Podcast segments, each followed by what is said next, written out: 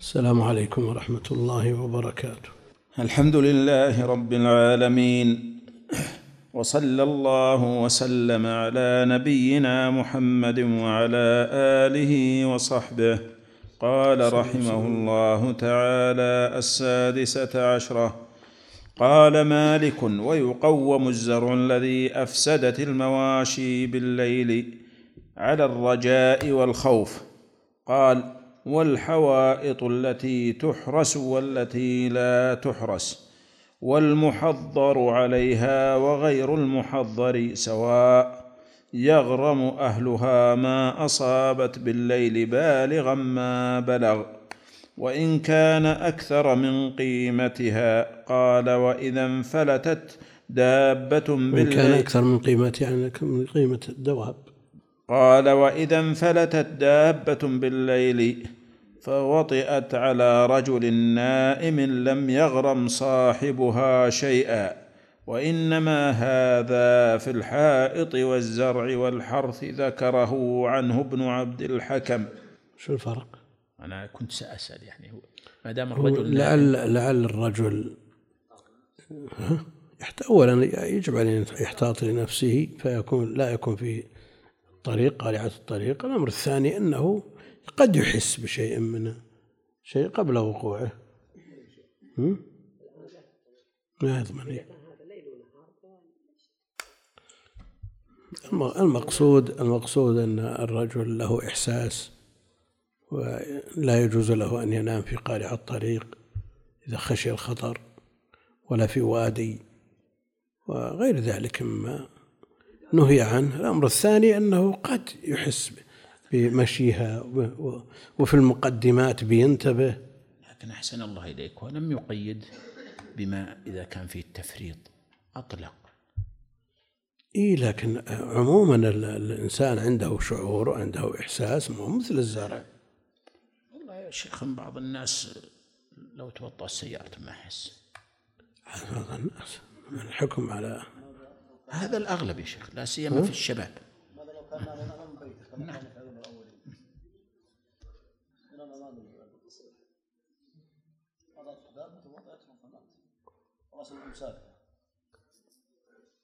والأصل أن أصحاب عليهم حمايتها حراستها وحفظها. لكن أنا أقول هو الآدمي يختلف عن الزرع لأنه له شعور وإحساس بخلاف الزرع الزرع يؤكل من أوله إلى آخره ما يدفع عن نفسه. لكن هذا إذا شعر بال- بال- بالخطر أو جاءت المقدمات وطت رجله مثلا بينتبه. نعم. ها؟ شو؟ هذا على كل حال إذا فرط. لكن لو كان الموضوع صبيا أحسن الله إليك. لا عاد صبي مثل الزرع. صغير؟ لا مثل الزرع. هذا في قارعة الطريق الكلام. نعم. وقال ابن القاسم ما أفسدت الماشية بالليل فهو في مال ربها وإن كان أضعاف ثمنها لأن الجناية من قبله إذ لم يربطها وليست الماشية شخص كالعبيد. آه، أحضر عامل كهربائي يصلح آه، لمبه فأمسك بالمكيف عشان ما يطيح. المكيف فيه التماس ومات الرجل. قالوا يضمن. يضمن صاحب البيت. نعم. وليست الماشية كالعبيد. حكاه سحنون. حكاه سحنون وأصبغ وأبو زيد عن ابن القاسم. السابعة عشرة. ولا يستأنى بالزرع أن ينبت أو لا ينبت كما يفعل في سن الصغير. وقال عيسى عن ابن القاسم قيمته لو حل بيعه وقال أشهب وابن نافع في المجموعة عنه وإن لم يبد صلاحه وقال ابن العربي والأول أقوى لأنها صفته فت- فتقوم كما يقوم كل كما يقوم كل متلف على صفته. والثامنة يعني إذا بدا صلاحه. وجاز بيعه. أما قبل ذلك فإنه لا يأمن العاهة فلا يمكن تقويمه. نعم. الثامنة عشرة لو لم يقض للمفسد, للمفسد له بشيء حتى حتى نبت وانجبر فإن كان فيه قبل ذلك منفعة رعي أو شيء ضمن تلك المنفعة وإن لم تكن فيه منفعة فلا ضمان. وقال أصبغ يضمن لأن التلف قد تحقق والجبر ليس من جهته فلا يعتد له به. لكن ما في منفعة. كيف يضمن؟ ما لا منفعة فيه فلا قيمة له. فبما يضمن؟ لكن البذر فيه منفعة. مقصود أنه فيه منفعة سواء كانت حالية أو مستقبلة أما ما لا نفع فيه هذا لا لا يباع فلا قيمة له وحينئذ لا ضمان له. قد يدعي صاحبه أن فيه منفعة. بعض الأمور التي لا تنفع لزيد تنفع لعمرو. فإذا المسألة مفترضة فيما لا منفعة فيه لأحد. لا لآدمي ولا لحيوان ولا ولا طير ولا غير ذلك. نعم. لكن أحسن الله إليك. لو نبت على قول من قال إنه لا شيء لصاحب الزرع إذا نبت. طيب تأخر عاد كما هو. تأخر النبت. إذا عاد كما هو. لكن إذا عاد كما هو لكن تأخره قد يضر بصاحبه. لا أنت يمكن أن يقال النبت هذا غير الأول. لو, لو أن النبت الأول موجود بيع ثم وجد النبت الثاني. ها؟ لكن لو سلم أنه مما لا يكون إلا مرة واحدة فنبت لكنه يتأخر. ربما أن تأخره يضر بصاحبه من حيث ثمنه إذا أراد أن يبيعه. بلا شك الوقت الوقت الوقت له قيمته. ولذلك الآجال في الديون تتفاوت من الأجال القريبة والبعيدة. نعم. التاسعة عشرة وقع في كتاب ابن سحنون أن الحديث إنما جاء في أمثال المدينة التي هي حيطان محدقة وأما البلاد التي هي زروع متصلة غير محضرة وبساتين كذلك فيضمن أرباب النعم ما أفسدت من ليل أو نهار كأنه ذهب إلى أن ترك تثقيف الحيوان في مثل هذه البلاد تعد لأنها ولا بد تفسد. تعد أحسنت. إلى أن ترك تثقيف الحيوان في مثل هذه البلاد تعد لأنها ولا بد تفسد. وهذا جنوح إلى قول الليث. أنها تضمن مطلقة نعم. أنها تضمن مطلقة يقول إذا عرف صاحب الدواب أنها أن الحروث والزروع غير محاطة. وأن هذه الدواب مفسدة على كل حال فيضمن مطلقا. لكن ما جاء به الحديث هو المرجع. نعم. الموفية عشرين. قال أصبغ في المدينة. ليس لأهل المواشي أن يخرجوا مواشيهم إلى قرى الزرع بغير بغير ذواد. كذا يا شيخ. إيه. فركب العلماء على هذا أن البقعة لا تخلو أن تكون بقعة زرع أو بقعة سرح. فإن كانت بقعة زرع فلا تدخلها ماشية إلا ماشية تحت إلا ماشية تحتاج وعلى أربابها حفظها وما أفسدت فصاحبها ضامن ليلا أو نهارا. وإن كانت بقعة سرح فعلى صاحب الذي حرثه فعلى صاحب الذي حرثه فعلى صاحب الذي حرثه فيها حفظه فعلى صاحب الذي حرثه فيها حفظه ولا شيء على أرباب المواشي. الحادية لا, لا فرق. لا فرق سواء كانت أرض زراعة أو زر أو أرض رعي وسوم لأن الحديث مطلق ما ما قيد بهذا ولا بذاك. نعم. والأرض إذا زرع فيها ولو كانت أرض حرث تصير أرض زراعة مثل الأولى. نعم. لكن إذا كان العرف جار على أن هذه للرعي ليست للزرع. إيه؟ اي نعم. فجاء وجد فيها مزرعة. فزرع. إذا حميت للرعي اللي يزرع فيها هدر لا ليل ولا نهار. لكن إذا كانت آه، موات ما هي بلحد وسبق إليها من زرع فيها وإن كانت في الأصل قبل الزراعة للرعي. نعم. هل كانت في المدينة مكان صالح؟ أو مكان رعي أساس حتى يفرق بالليل والنهار.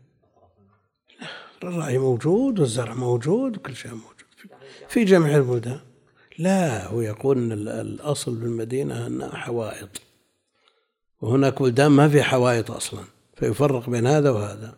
فجعل في البداية هذا يضمن ليل ونهار والاخرى يضمن ليل دون إيه اللي فيها حوائط يضمن.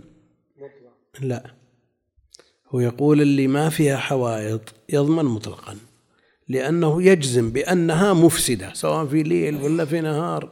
لأن الزروع ليس فيها حوائط جرى العرف في ذلك. أما ما فيها حوائط يمكن حفظها فمثل هذه يرد فيها الحديث والحديث مطلق لم يفرق بين هذا ولا ذاك. نعم.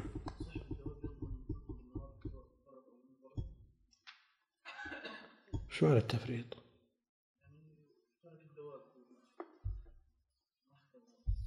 لا يضمن بالنهار.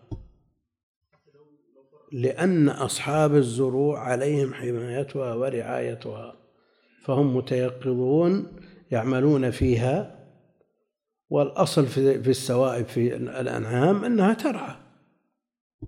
ولو قيل كل دابة يتبعها صاحبها لينظر أين تذهب صار مشقة عنت هذا بخلاف الليل. نعم. الحادية والعشرون.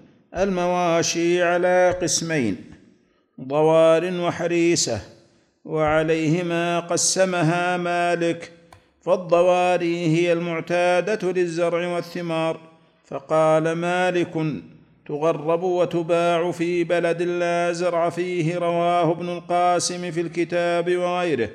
قال ابن حبيب وإن كره ذلك ربها.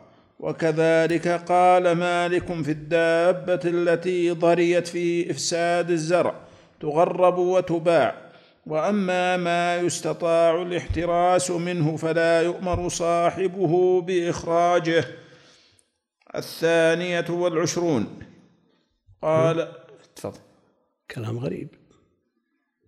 تفريق بينها. ها؟ شو؟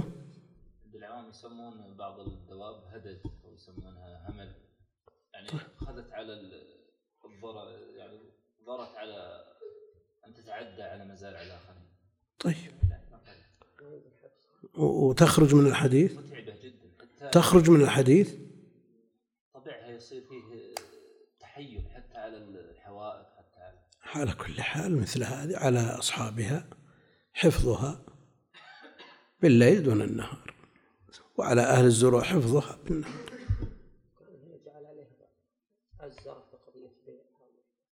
لا يقول ما تباع في في بلد فيه زروع. نعم. الثانية والعشرون.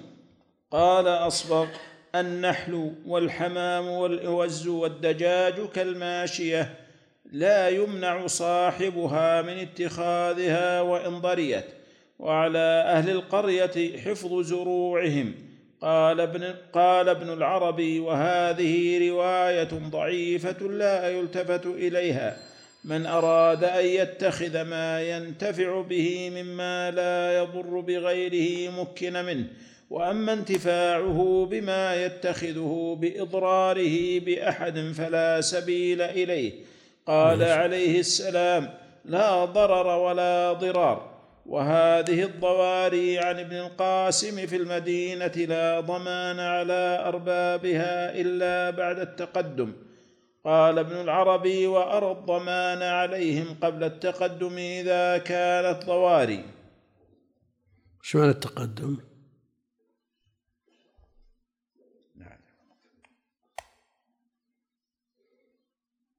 شو معناها؟ ها؟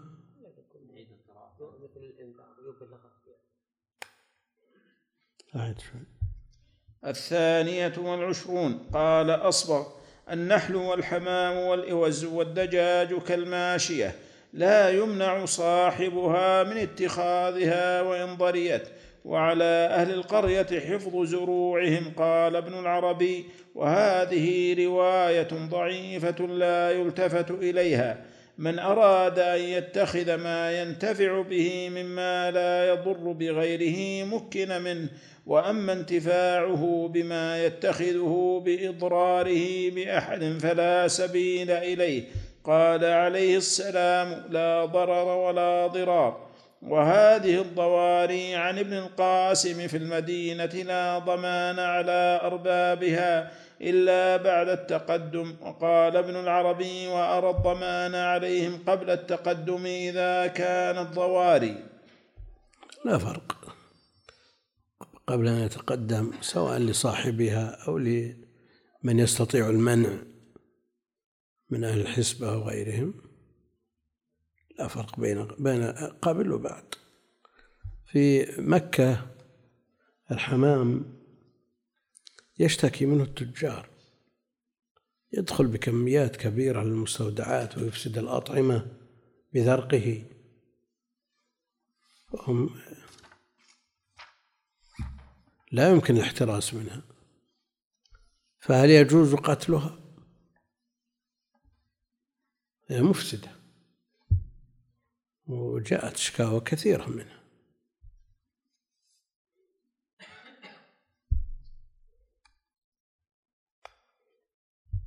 إذا أفسد لا يأخذ حكم الصائل أحسن الله إليك. يدفع بأسهل ما يندفع به.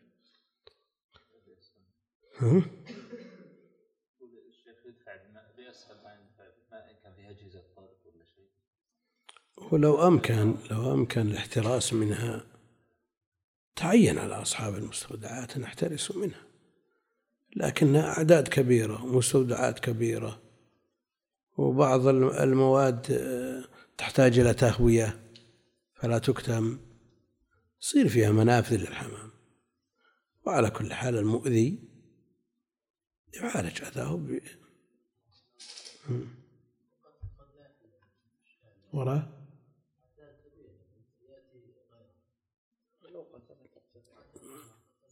طيب إيش بيسوون؟ ماذا يصنعون؟ شلون؟ ثم يقتلها؟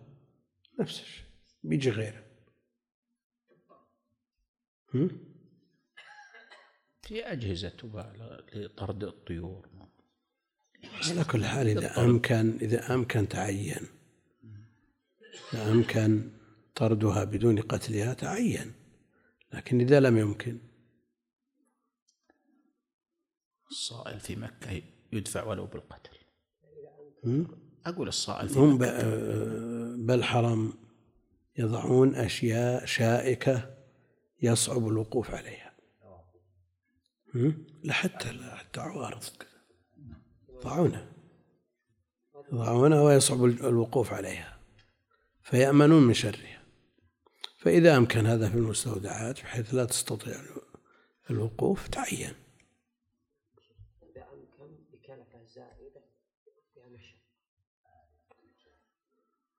يزيدون على قيمة السلع يزيدون.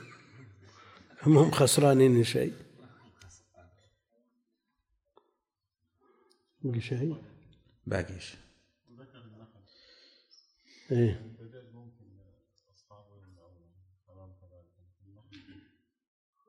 لا الحمام صعب. لا يقول نحل كيف يمكن منعه؟ وين؟ لأن قال النحل والحمام والإوز والدجاج كالماشي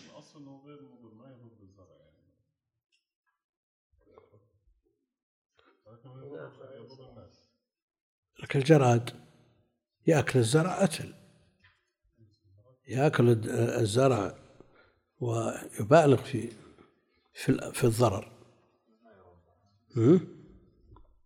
هذا يربى يعني يسرح يأتي والنحل النحل في الغالب في البراري والقفار ما هو بالمزارع إلا إذا كانت مزرعة أعدت له. مزرعة أعدت له. إيه هذا إذا كان في مواد في برية ما في إشكال. وإذا كان في مزرعة لصاحب النحل عدها لذلك كذلك. لكن إذا كانت تسرح في مزارع غيره. وأتلفت. لا بد أن تمنع نعم.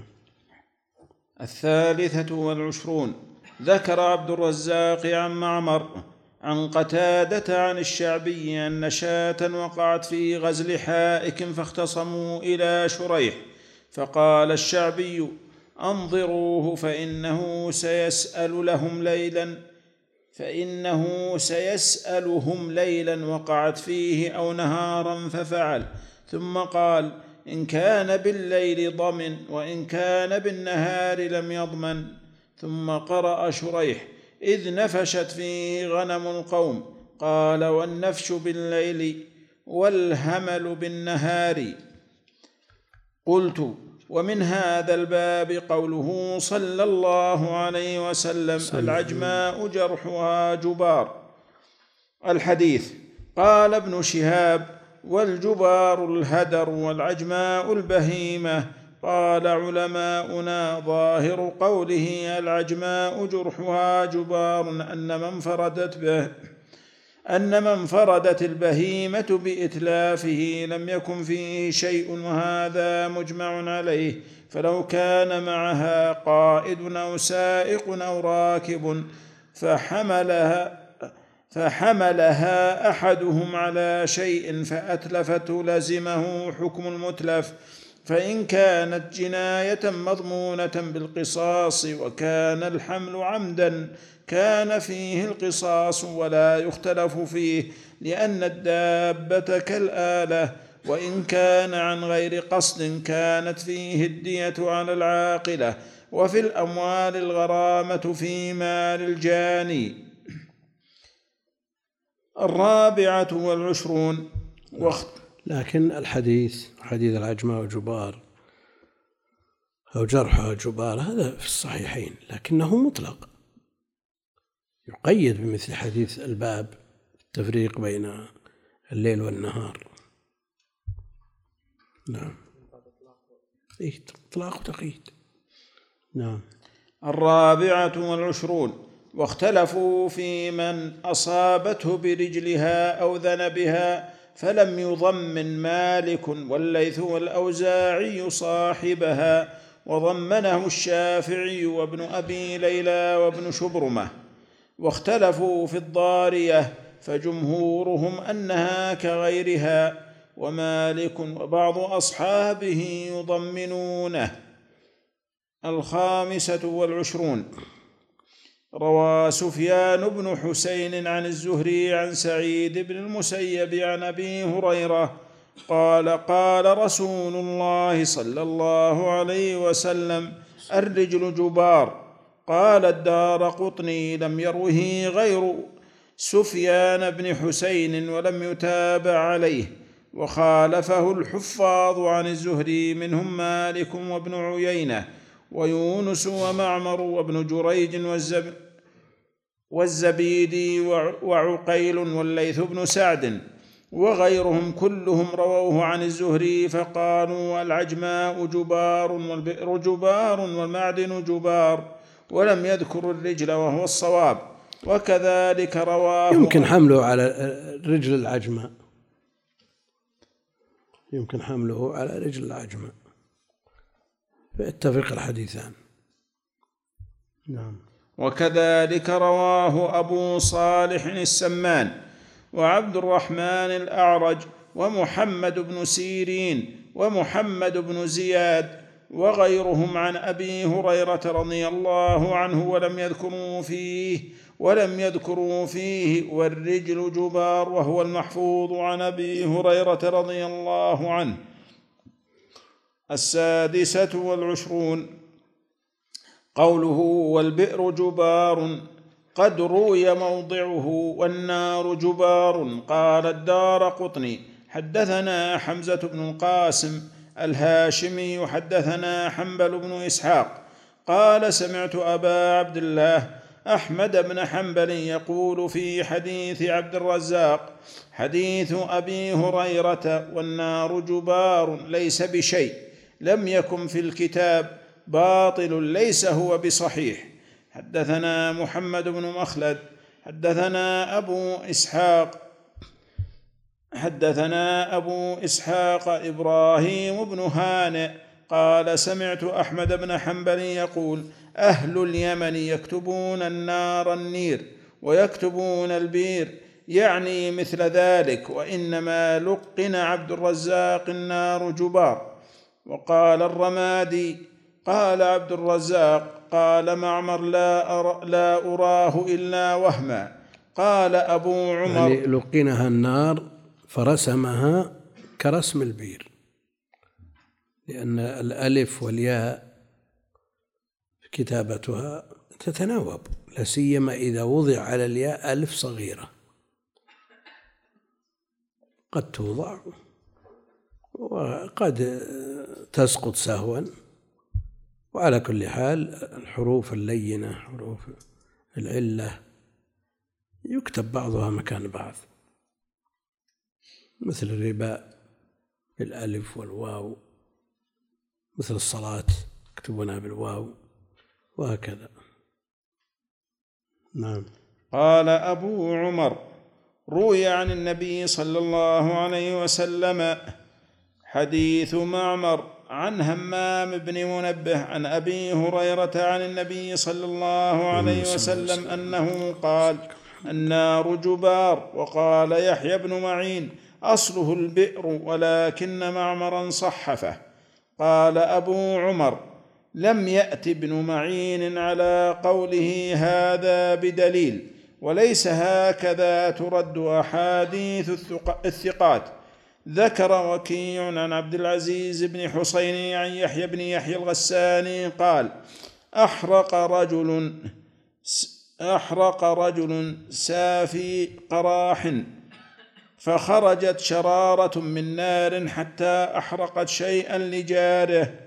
قال فكتب فيه إلى عمر بن عبد العزيز ابن حسين فكتب إلي أن رسول الله صلى الله عليه وسلم قال العجماء جبار وأرى أن النار جبار وقد روي والسائمة جبار بدل العجماء فهذا ما ورد في ألفاظ هذا الحديث ولكل معنى لفظ صحيح مذكور في شرح الحديث وكتب الفقه. انتهى. النار بهذه الصفة التي حصلت خرجت شرارة من النار. هذه ما يملكها أحد. فأحرق الثوب من الجالسين دول. يبي طالب صاحب النار نارك أكلت ثوبي. ها؟ وعليه يتنزل الحديث إن صح. ها؟ شخص مثلا أو يمزحون يرمي الشرخ في النار إيه. لا عاد هذا يضمن. هذا يضمن. هذا تعدي.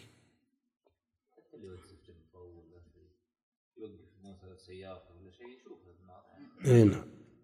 جوار هذا هذا مفرط. سما مفرط. وذاك متعدي. لو النار خارج البيت فطارت شرف سياره لا قال قل له استعماله آه، للنار على وجه لا يباح. يدخن. فأحرق الثوب اللي جنبه.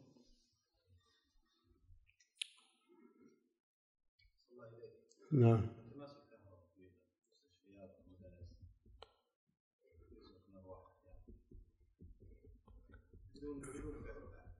يعني بدون تعدي ولا تفريط؟ ها؟ لكن ما في تفريط يعني ما ما نكشف على الأسلاك هل هل تحتمل هذا الكهرباء المحمل عليها ولا؟ مثل كبرات السيارة مع, مع الاستعمال. ها؟ ما يكون إلا بهذا السبب. إيه هو السبب إذا كان الحمل أكثر. الله المستعان بحث المسألة الذي يغلب على الظن. بل يكاد يجزم به أنه لا يوجد تفصيله مثل ما في التفسير. وهكذا في كثير من المسائل التي مرت بنا. المسألة التي أشار إليها الشيخ زيادة الأحمال هذه. إيه؟ طبعا المشكلة مركبة من طرفين متركبة من الطرف الأول اللي ما فحص الأسلاك هل تتحمل الأحمال والطرف الثاني زيادة الأحمال. كونها تزيد عن ما كان مقرر. معناه يكون يعني الضمان مشترك بين على كل حال هناك شيء قال له تعدي وشيء يقال له تفريط. فمن تعدى يضمن ومن فرط يضمن.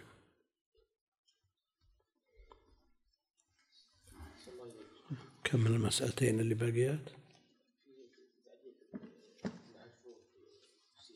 شو يقول؟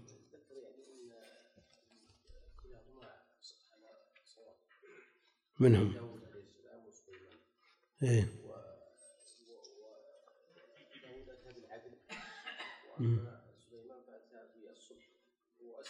فضل يعني. إيه لكن إيش معنى التفهيم؟ لفظ التفهيم يحمل معنى. فهمناها سليمان. لفظ التفهيم يحمل معنى.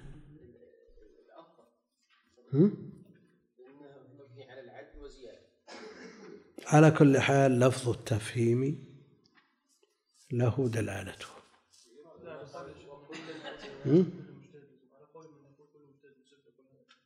حين كل مجتهد مصيب ما, ما احد اذا اجتهد ها؟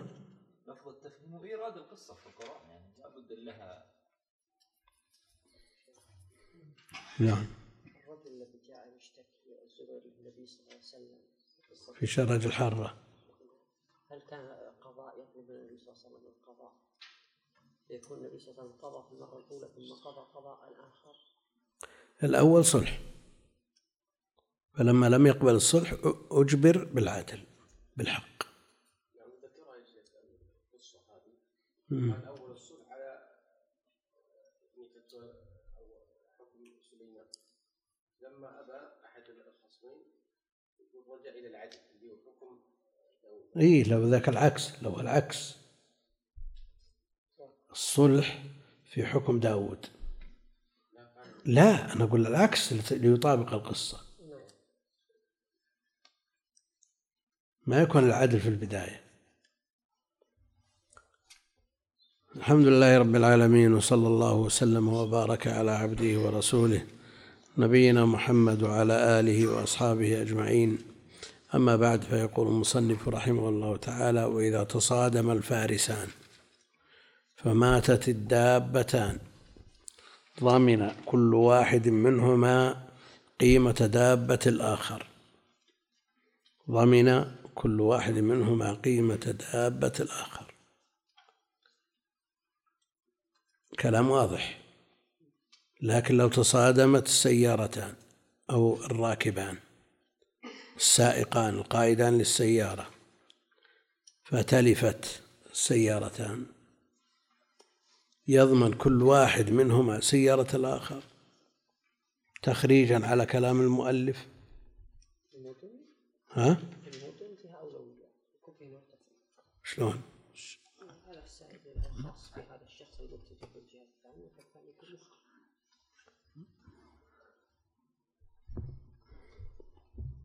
ما يكون في تصادم سيارتين إلا عن تفريط. ما يكون تصادم سيارتين إلا وفي التفريط أو تعدي. إما تجاوز الطريق المسموح له فيه فيمشي في غير طريق المسموح له فيه أو يسوق في أن تفترض المسألة كما كانت في أول الأمر من مجيء السيارات شيء شاهدناه. يعني الطريق ما ما يحتمل السيارة واحدة. ويصير منحنى وتصادم من السيارتين هم؟ إذا كان كذلك شو؟ إذا كان كذلك وإذا قلنا يضمن كل واحد من سيارة الآخر سيارة 500 ألف سيارة ب 5000 يبي يضمن 500 ألف على السيارة 5000 ها؟ ها؟ أحيانا يأتي مضايق في البر على ساعته ما يمكن المحيد عنه. يتصادمون. ولا يقال اللي بيجينا في المسألة ال- المصعدة والمنحدرة مثل الشباب اللي يفحطون ويرقون الطعوس الطوال واحد نازل عليه ما يشافه هذه سهلة. تبي تيجي في المسألة اللاحقة. مثل هذه المسألة يا شيخ. لا يقال أن تجمع قيمة ضمان السيارتين وتقسم عليهما يا شيخ. لا هو ال- ال- الخيل كذلك. قد تتفاوت قيامها يقول فماتت الدابتان ضمن كل واحد منهما قيمة دابة الآخر هم؟ نفس الشيء. إيه كل واحد يضمن دابة الآخر. كلاهما دواب. وإن كان أحدهما يسير والآخر قائم فتلفت الدابتان فعلى السائر قيمة دابة الواقف. يعني مثل لو واحد ملبج بسيارته وجاء واحد وصدم هذه السيارة الواقفة. وله مندوحة. وله مندوحة. يستطيع أن يحيد يمينا ولا شمالا؟ فالضمان على من؟ فتلفت الدابتان فعلى السائر قيمة دابة الواقف هذا مفرط هذا يسمونه مفرط. لكن في الصورة الأولى متعدية للثاني الآن في أحكام المرور يجعلون نسبة على الطرف الآخر لتلافي الحادث بإمكانه أن يتلافى فيوضع نسبة بقدر هذه الإمكانية. يضعون نسبة الصادم هو المخطئ والمصدوم إذا كان بإمكانه أن يتلافى هذا الحادث فإنه يحمل جزء من المسؤولية.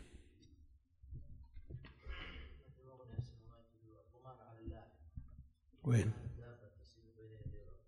اي ما بعد جينا هذه ما من عندي لا هذا لوجه. لوجه؟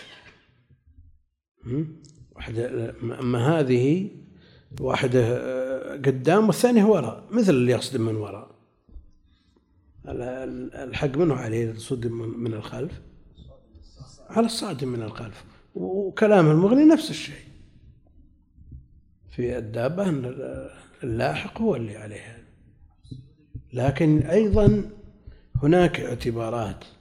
يعني لو أن سائق سيارة قدام والثاني وراء ثم وقف فجأة فصدم من الوراء. وتأثرت السيارة الثانية لا شك أن الضمان عليه.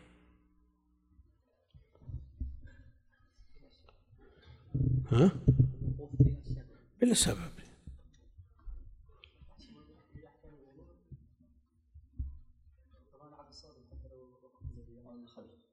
على كل حال ينبغي أن نلاحظ هذا لأن بعض الناس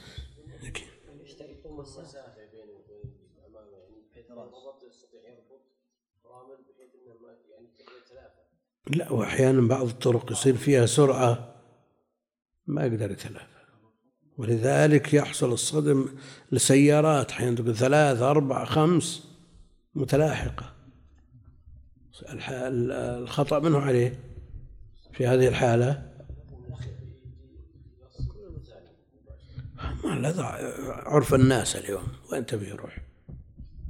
يعني لو لو بتبتر يقول 30 متر بين كل سيارة وأخرى مع الأعداد الهائلة من السيارات. صدام بس صدام وكيلو أو كيلوين السيارات. لا بيصير بين كل سيارتين ثلاثين متر. تشابك السيارات بين البلدان كلها لا ما يصير. كل شيء يقدر بقدره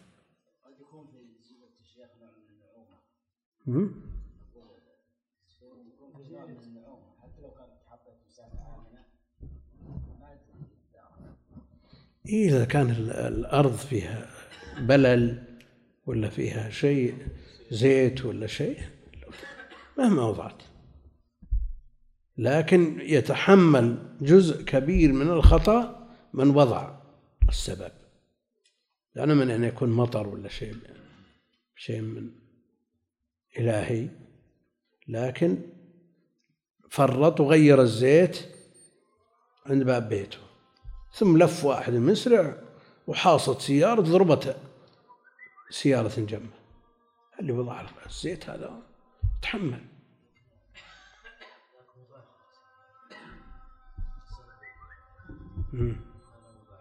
بس يرجع على ذاك اللي يقول وإن تصادم نفسان يمشيان. فماتا يمشيان. أظن هنا موت من المشي. لو قال يجريان هو اللي يصير فيه خطر. أما يمشيان مهما كان مشي ما يضر.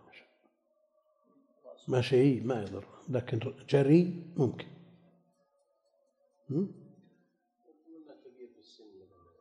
والم. قبله مثل ذاك اللي ضربه بجمعه مع رأسه. كسر كسر الرأس. يعني بعض الناس قوي ويفعل هذا في رأس الغنم إذا إذا قدمت يعني طبخت وقدمت بعض الناس عليك من أجل أن يأكل المخ يضرب بيده تنكسر فقيل له ضرب رأس صاحبه فانكسر فقيل له قال والله ما دريت ان رأسه نخر. ها؟ بس بعض الناس فيه قوة فيه قوة. على كل حال هذه جنايته. هذه جنايته. يقول وإن تصادم نفسان يمشيان فماتا يموتون من التصادم يا أبو عبد الله اللي يمشون ماشي ها؟ ماشي عادي إيه لو قال يجريان ركض طولهم واحد بحيث كل واحد يضرب رأس الثاني ممكن هم؟ شو؟ ها؟ أعم من المشي وقد يكون فيه مشي مثل ما تفضل. الأخ ما هم من نفس الصدمة يصير يطيح على جهة ولا شيء أو يصير فيه مرض قلب وما أشبه ذلك. المقصود أنه حصل هذا هذا هذا تصوير المؤلف. فمات فعلى عاقلة كل واحد منهما دية الآخر. على أساس أنه قتل خطأ. أو شبه عمد بمعنى هو قاصد في الجملة قاصد للأذى لكنه لا يقتل مثله. لكن الذي يظهر أنه من غير قصد من غير قصد فهو خطأ. فعلى عاقلة كل واحد منهما دية الآخر وعلى كل واحد منهما في ماله عتق رقبة. فالعاقلة لا تحمل الدية. وأما الكفارة ففي مال الجاني.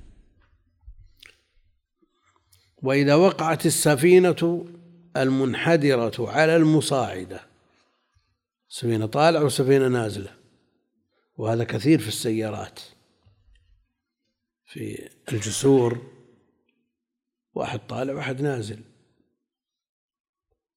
المنحدرة على المصاعدة. فغرقتا فعلى المنحدرة قيمة سفينة المصاعدة. لماذا؟ لأن الثقل مع المنحدرة ما هو مع المصاعدة.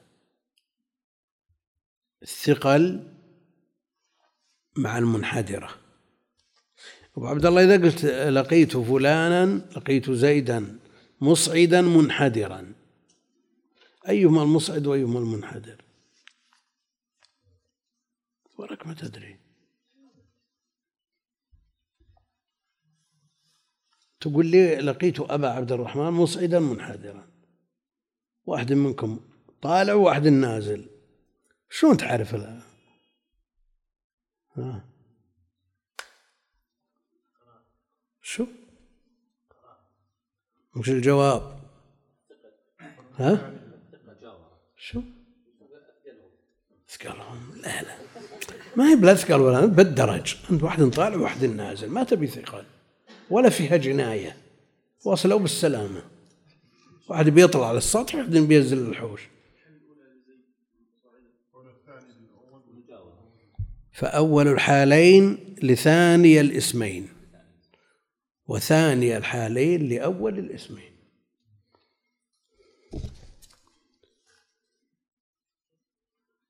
وإذا وقعت السفينة المنحدرة على المصاعدة فغرقتا فعلى المنحدرة قيمة سفينة المصاعدة.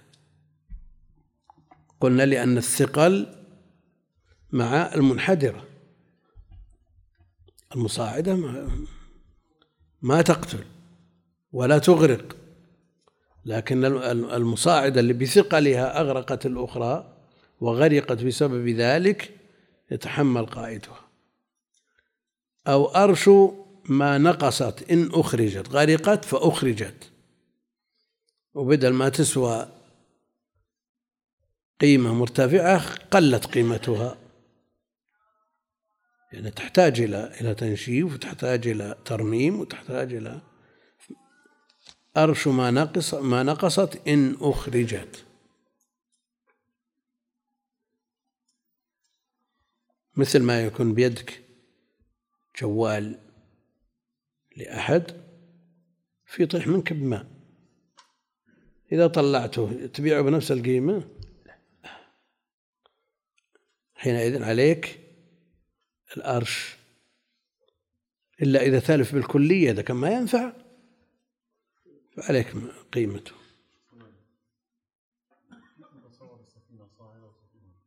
مع الموج. مع الموج.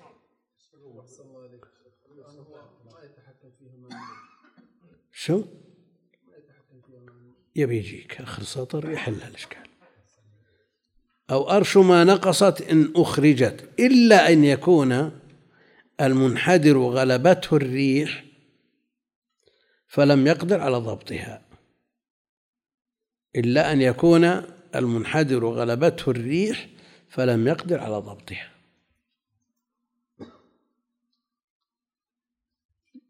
الآن شخص نازل من الجسر بسيارته وشخص طالع أو مار. هذا المنحدر ما يضبط السيارة. سيما إذا كانت المسافة قريبة من من اللي قطع الطريق.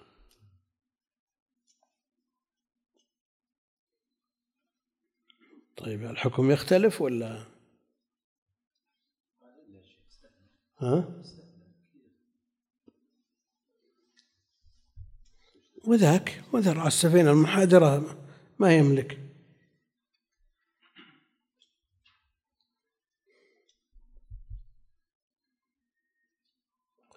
لكن مع مع مع الانحدار والقوة الضاغطة بسبب النزول على القائد أن يحتاط لنفسه لأن هناك كوابح سواء كانت في السفينة أو في السيارات تمنع من استرسالها. بعض الناس اللي حول مع طلعة لو بس مجرد يرفع رجله عن البنزين سارت بسرعة هائلة فضلا عن كونه يضغط على البنزين. فبدلا من ذلك يضغط على إيش؟ الفرامل. ها؟ لا بد هو أن يتنبه ولا ما هو بسائق صار؟ داعي يشوف أمامك منحدر قدامه. لكن أحيانا تكون المنحدرات في منعطفات. ما يدري. منعطف ومنحنى بعده منحدر. هذا يلزم من على المرور أو من بيده الأمر أن ينبه على ذلك. فلا بد من هذا أو ذاك. ها؟ ولا شك أنه يضغط على الفرامل بطريقة تضمن له السلامة في الغالب إلا الضمان ما أحد يضمن. ولا يكون ذلك إلا عن سرعة يا شيخ. إيه، بسرعة زائدة. في التفريط لا يكون إلا عن تفريط. نعم. اي لا يضمنون الشركات. يضمنون الشركات إذا وضعوا صبات مع عليها أنوار يضمنون الشركات. لا لا لا ما ينفع. المصعدة عزمها ضعيف بسبب الطلوع والمنحدرة عزمها قوي فالضغط مع مع الانحدار فعليه أن يحتاط. ما يساعدها في السير نعم. ما ما تدرك إن إذا جاءت سيارة صاعدة وسيارة نازلة إن الصاعدة ضعيف عزمها. شلون؟ لكن لا لا لا لا لا لها لا لها تحكمات. لها حبال انتجر من يمين وحبال انتجر من يسار و... لا. على كل حال إذا إذا لم يحصل تفريط ولا تعدي يعني الحكم معروف. ابن جبير في رحلته لما أنهوا الحج يقول فوصلنا سواحل الشام وركبنا إلى الأندلس البحر وفيه أمواج عاتية ما وصلنا إلا بعد ستة أشهر. وليتهم وصلوا. يوم شافوا أنوار الأندلس وتأتي كالعاصفة وترجعهم للشام بليلة. ليلة بعد. ولذلك ركوب البحر فيه اخطار اخطار في اخطار ركوب البحر ليس بالسهل. وإن كانت الآن البواخر ووسائل النقل البحرية فيها ضمانات وفيها أشياء. والله المستعان. الآن. إيه لها التحكم شك. تحكم في بواخر مدن. باخرة جاية من الشرق فيها سبعين ألف بعير. تجيب تجيب آلاف السيارات البواخر الآن. فيها بوارج حربية تشيل طائرات وتشيل مدن مدن. مدن. مثل هذه لا شك أن أثر والقوة الإلهية فوق كل شيء يعني ما أحد يبي يبي ينازع في هذا لكن التحكم مع هذه مع هذه الضخامة مع قوة المحركات لا شك أن فيها نوع ضمان وأمان. ومع ذلك يقول ما حضر الله قوي. الله المستعان. ها؟ إيه. ما رحلة غير إيه ما يحتاج. يحتاج. بس لا كلا إن الإنسان لا يطغى أن رآه استغنى خلوا بس يقول أنا قوي. ونشوف الضعف شلون. حكمة إلهية. الله المستعان. الله يريد بنا خير الله إليك. اللهم صل وسلم على عبدك ورسولك محمد. ليس المراد بقوله السفينة المنحدرة والصاعدة المنحدرة السائرة مع النهر. الجارية مع النهر والصاعدة المعاكسة. لا واحدة تطالع واحدة نازلة. إيه المعاكسة لسير النهر هي الصاعدة والماشية مع النهر هي المنحدرة. لا ما هو الصعود والانحدار معناه واضح. وشوف شو يقول آه، معلق؟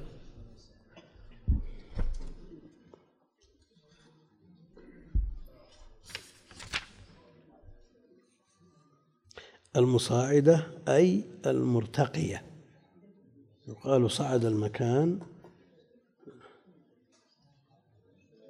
وفيه بكسر العين وأصعد أي ارتقى الدر النقي.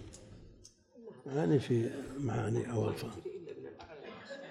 هذا هو مقصود أنه الصعود والنزول معروف ها؟ والله عاد هذا شأنكم أنا أعرف. ماشي النهار ولا البحار اللي ما سافر ولا راح ولا جاء وبنجد ما, ما في بحار. ما عندنا إلا الميناء الجاف.